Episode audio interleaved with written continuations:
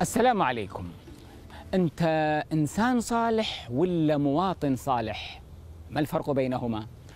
كل الدول تريد من منسوبيها أن يكون الواحد منهم مواطنا صالحا وهذا شيء جيد وبعد ذلك يختلفون في أولوية معنى هذا الصلاح فبعض الدول يرون أن المواطن الصالح هو ذلك الذي يفنى في شخصية القائد الفذ دولة أخرى ترى المواطن الصالح هو الذي يلتزم بالقوانين ويطبقها تطبيقا حرفيا.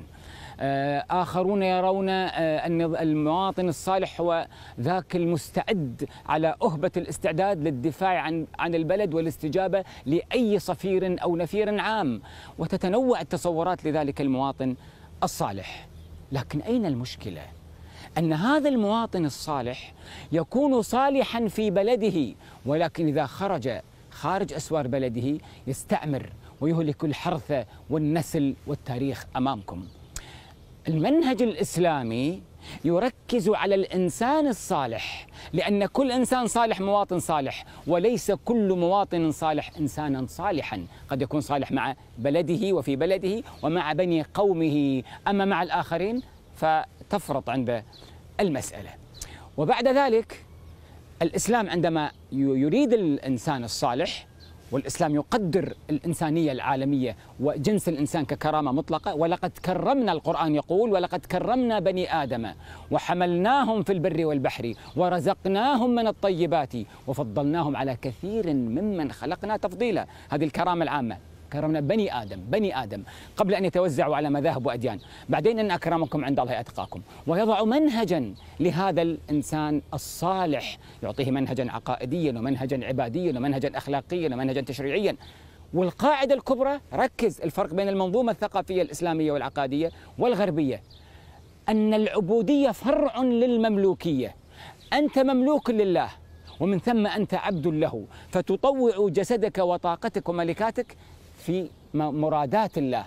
لذلك بالتطبيق مثلا الغربية ممكن أن تجهض ولدها. ليش؟ لأن ولدها ملك لها. أما نحن لا لنا أحكام شرعية خاصة. الإنسان الغربي قد يحط عشرين حلق ويلون شعره هنا وجهه هنا أزرق. ويعني حتى قد يتلاعب بجنسه وجينه ويتبهدل ووشم وشايفين الأشكال. نحن عندنا جسدك ملك ربك فتتصرف فيه مراد الله.